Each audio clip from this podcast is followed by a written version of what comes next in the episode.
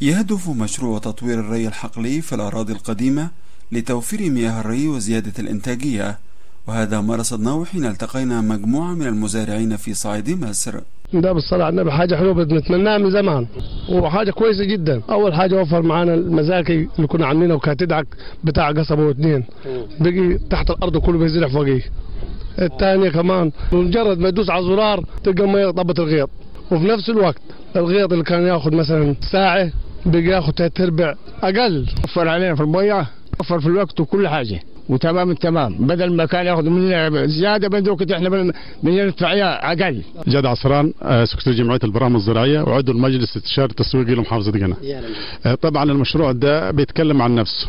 اولا نوفر وقت المزارع. الفدان كان بيروى في 10 ساعات حاليا بنرويه في 3 ساعات. ثاني وفر عمل إنتاج كبير للمزارع. فدان الذرة الصيفي كان بينتج 8 رادب حاليا بينتج 12 رادب وينفذ مشروع تطوير الري الحقلي في الأراضي القديمة في عدد من محافظات صعيد مصر منها بني سويف المنيا أسيوط سوهاج قنا الأقصر وأسوان.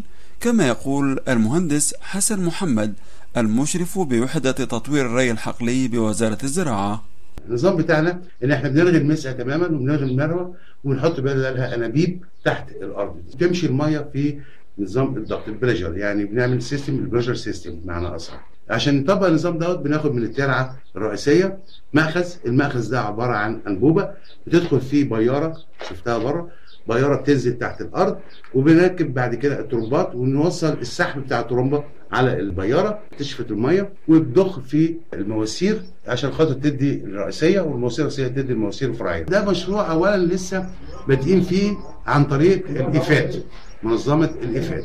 فاخترنا في بني سويف الإيفاد 3000 فدان الفعلي منهم 2000 فدان في عندي بعد كده هو 2000 فدان برضه 3000 فدان في المنيا شغالين في بني سويف وفي المنيا ده اسمه ال OFIDO 2 يعني الحمد لله ال OFIDO 2 كان عندنا ال OFIDO 1 مولونا منظمه الإيفاد واشتغلنا في محافظات أسيوط وسوهاج وقنا والأقصر على مساحات 13000 فدان. محافظ قنا اللواء عبد الحميد الهجان قال إن مشروع تطوير الري الحقلي حقق العديد من المزايا الجيدة على مساحة 4977 فدانا بمركز قفط استفاد منها 8400 أسرة وبلغت التكلفة الإجمالية للمشروع حوالي 100 مليون جنيه.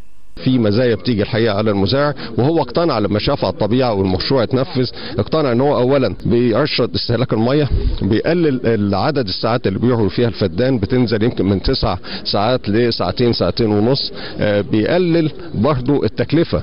يعني هو كان بيروي الأول الفدان ب 240 جنيه دلوقتي بيرويه بحوالي 60 جنيه المشروع طبعا الهيئة مفيد جدا إحنا بنشكرهم يعني كل شركاء التنمية معانا كل الجهات التنفيذية في وزارة الزراعة في وزارة الري الأجهزة التنفيذية على مستوى المحافظة هنا لأن المشروع الحقيقة إن شاء الله بنتمنى إن إحنا نستمر فيه مع شركاء التنمية خاصة الافاد يعني. وعبرت الأستاذة خليدة بوذار المديرة الإقليمية للشرق الأدنى وشمال إفريقيا بالصندوق الدولي للتنمية الزراعية الإفاد عن سعادتها بالشراكة بين الصندوق والحكومة المصرية لتنمية وتطوير القطاع الزراعي حيث إن مشروع تطوير الري الحقلي في محافظة قنا حقق نتائج إيجابية على أرض الواقع ستسهم في تغيير منظومة الري بالغمر إلى الري الحديث وتوفير فرص عمل للشباب وزيادة إنتاجية الفدان وتضيف الممثلين من الصندوق الدولي للتنمية الزراعية هي وكالة من وكالات الأمم المتحدة مخصصة في